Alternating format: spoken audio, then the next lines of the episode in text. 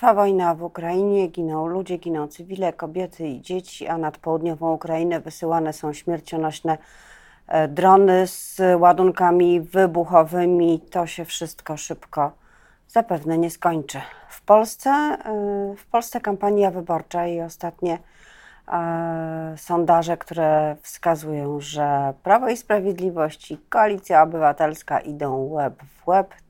Dzisiejszy sondaż CEBOS przynosi taką informację: 29 PiS, 28 e, Platforma, ale gdzieś w tle i być może wcale nie w tle, jeśli chodzi o producentów żywności i e, osoby, które mieszkają na terenach wiejskich, cały czas tli się e, konflikt. E, czasem bardziej się e, emocje rozgrzewają, czasem mniej bardzo poważny o ceny żywności i o niebezpieczeństwo, jakie niesie ze sobą dla polskiego rynku zalew produktami e, z Ukrainy, tych polskich producentów, którzy usiłują sprzedać u nas nasze plony i między innymi o tym będę rozmawiała już za chwilę z moim gościem, Zuzanna Dąbrowska. Dzień dobry.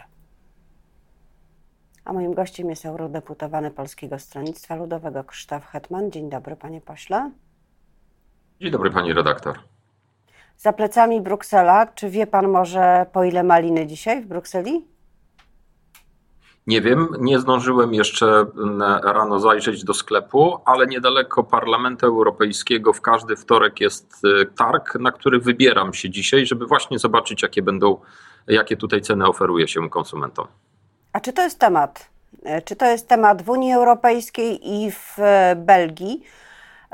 Bo y, mam wrażenie, że co roku, a w tym roku szczególnie, ceny produktów rolnych to rzeczywiście jest taki ląd, który wystarczy leciutko podpalić, żeby wszystko zaczęło się, y, zaczęło buchać płomieniami na wsi.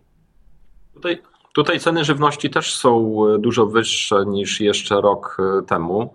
E, ale niestety fakty, fakty są takie, że mm, w Polsce te ceny żywności no, e, przekroczyły jakąś e, barierę, której, za którą po prostu ludzie już nie rozumieją, skąd te ceny się biorą.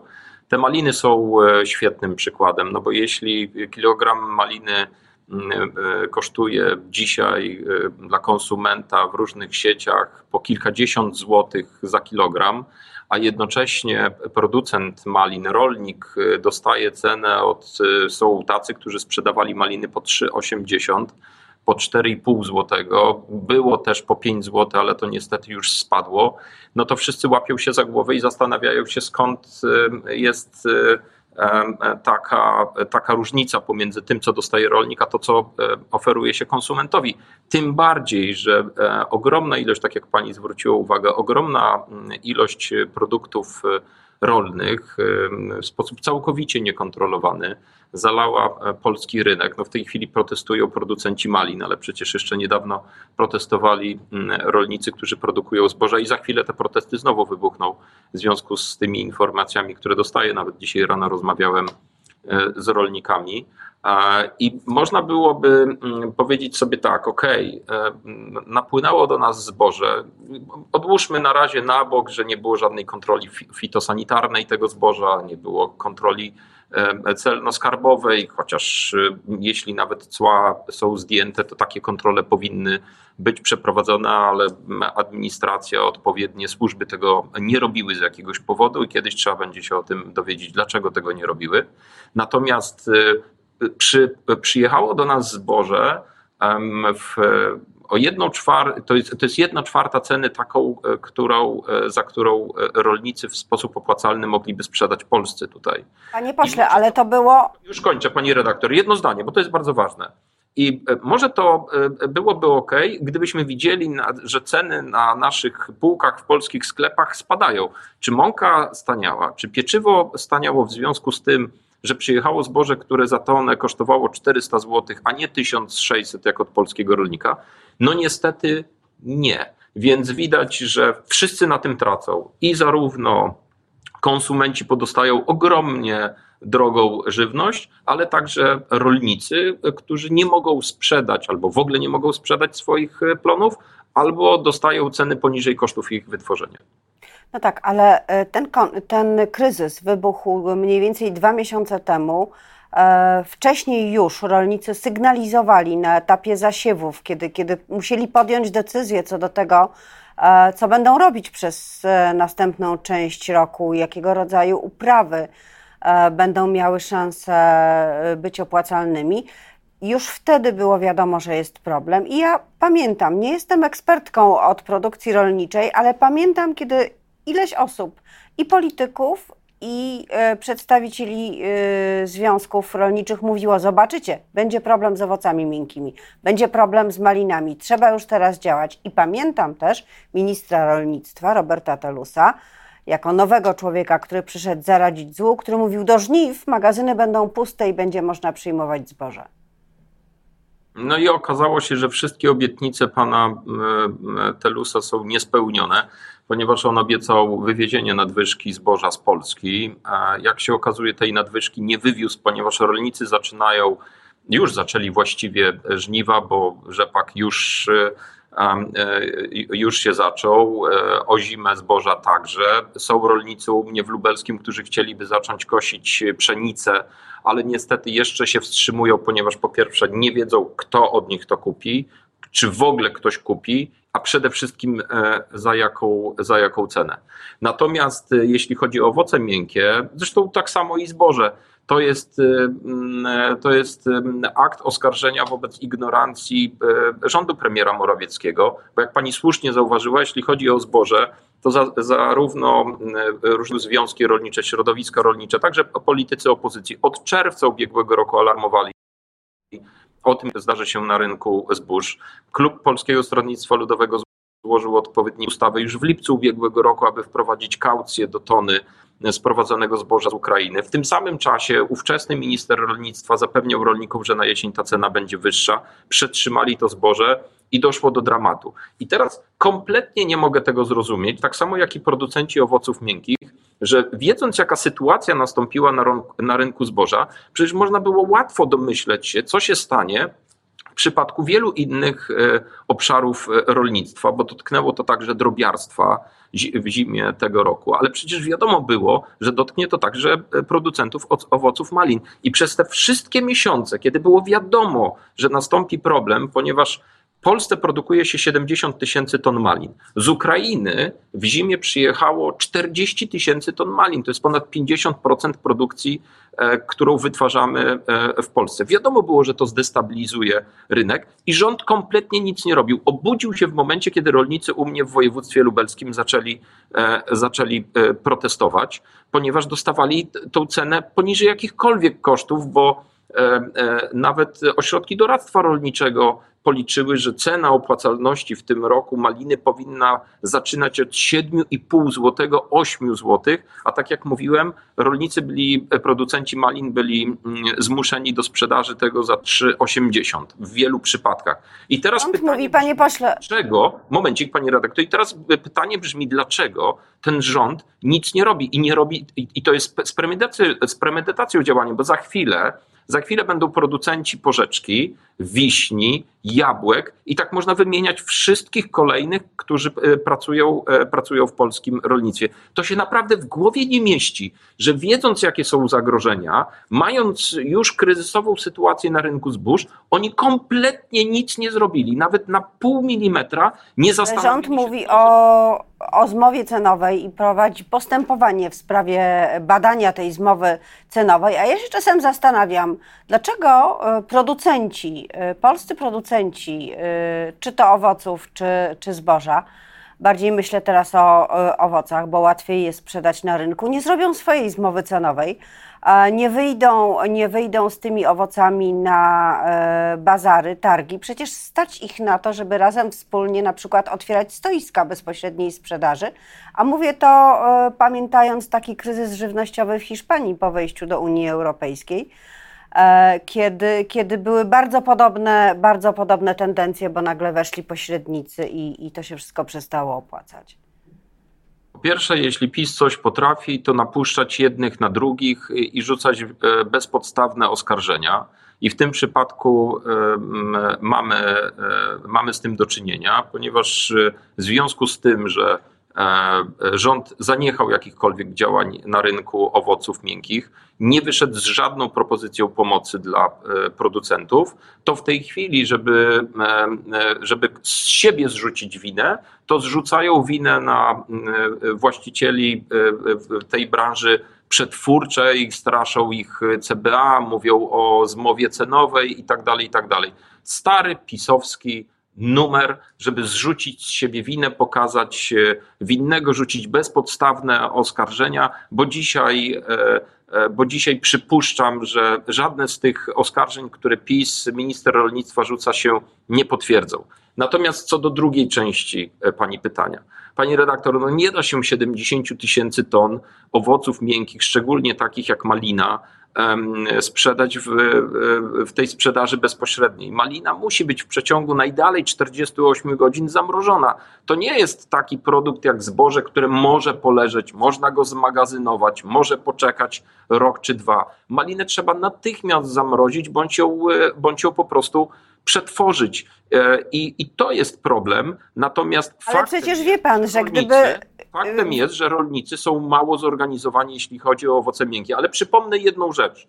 U nas w województwie, u mnie w województwie lubelskim e, powstało wiele grup producenckich, które miały właśnie zaradzić tej sytuacji. E, były środki europejskie i pozyskiwane były środki europejskie przez rolników na e, tworzenie chłodni, na tworzenie miejsc, gdzie będzie można przechować tak wrażliwe owoce jak maliny, porzeczkę czy też jabłka. To się udawało. Tylko proszę sobie przypomnieć, co się stało w 2016 roku, kiedy PiS doszedł do władzy. On obiecywał, że będzie pomagał rolnikom, będzie pomagał producentom rolnym, będzie e, wspierał grupy producenckie, będzie tam wysyłał ekspertów. I kogo wysłał w 2016 roku do grup producenckich? Mało się już o tym mówi i pamięta. Wysłał CBA.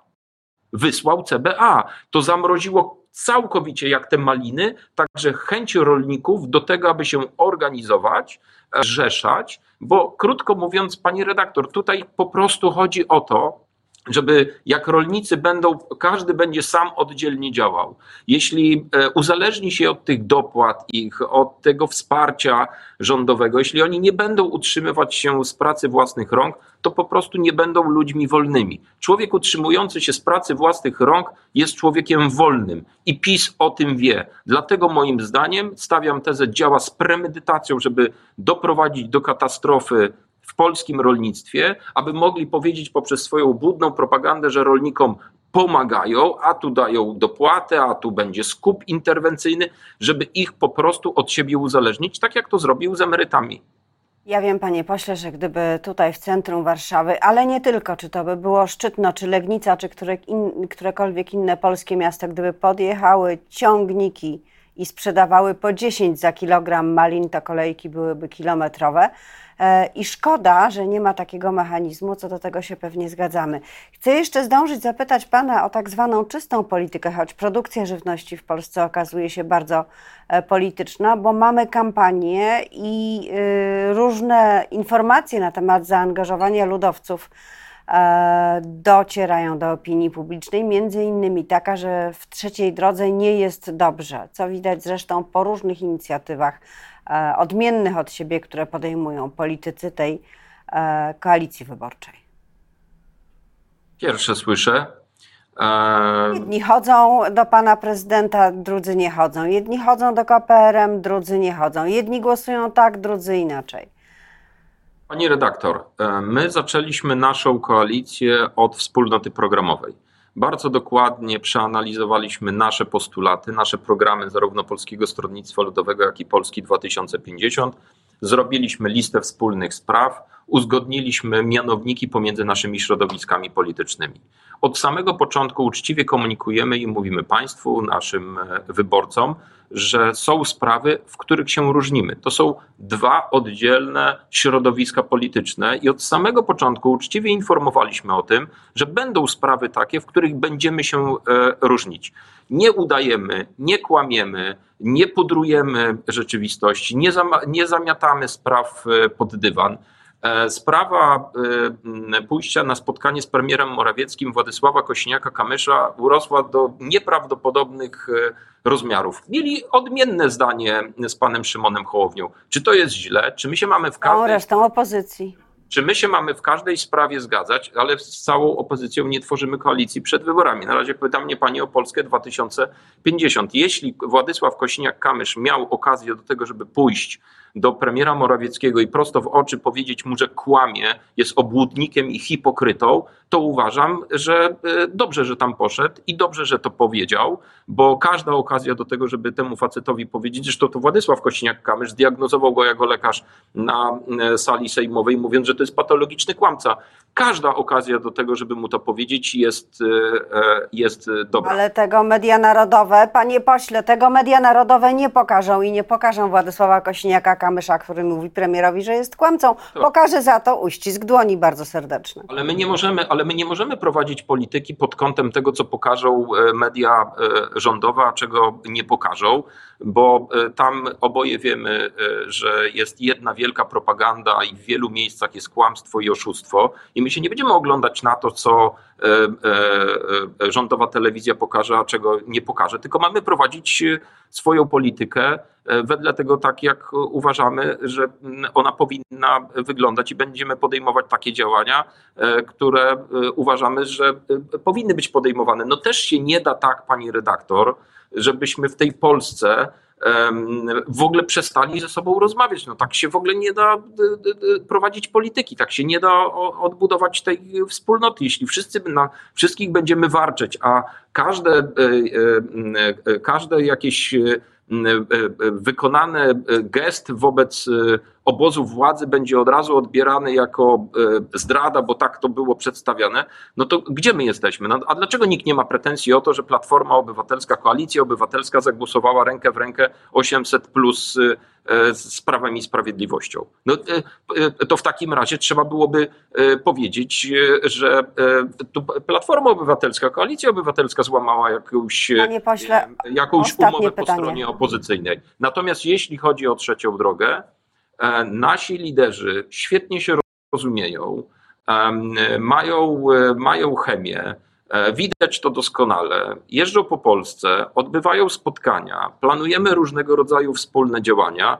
Absolutnie dementuję, żeby były jakiekolwiek problemy we współpracy w koalicji trzeciej drogi. Powiem pani nawet więcej. Nikt nie rozmawia, przepraszam jeszcze, ale chciałabym jeszcze mieć szansę zadać pytanie, a czas nam się kończy. E, pytanie też wynikające z tego, z tego toku rozumowania, które Pan przedstawił. Rozumiem też, że nie toczą się żadne rozmowy z liderami Koalicji Obywatelskiej i ciepłe miejsca, o których się mówi, które podobno Koalicja Obywatelska trzyma dla ludowców, nie są ludowcom potrzebne. Powiem Pani tak, jeśli będzie się to w ten sposób przedstawiało, że niestety tak się przedstawia, że ktoś dla nas e, trzyma jakieś ciepłe miejsca, e, to nawet jeśli komuś w głowie by kiełkowało, żeby usiąść do takiej rozmowy, to takie przedstawianie sprawy, bo jest dla nas krzywdzące i obraźliwe, że my byśmy poszli na jakieś ciepłe miejsca, aby mieć te mandaty jako PSL, niestety oddala nas od takiej możliwości, od takiego projektu, bo jak chcielibyśmy te ciepłe miejsca i chcielibyśmy mieć pewność, że te mandaty będą dla przedstawicieli Polskiego Stronnictwa Ludowego w następnym Sejmie, to już dawno byśmy się zapakowali do koalicji obywatelskiej. Na początku tego roku machnęlibyśmy na wszystko ręką i czekali tylko, aż te mandaty nam wpadną w rękę. Bardzo dziękuję za tę e, e zbożowo-polityczną e, analizę. To był eurodeputowany Polskiego Stronnictwa Ludowego Krzysztof Hetman, któremu bardzo dziękuję, a Państwu życzę dobrego dnia. Dziękuję bardzo. Nawzajem.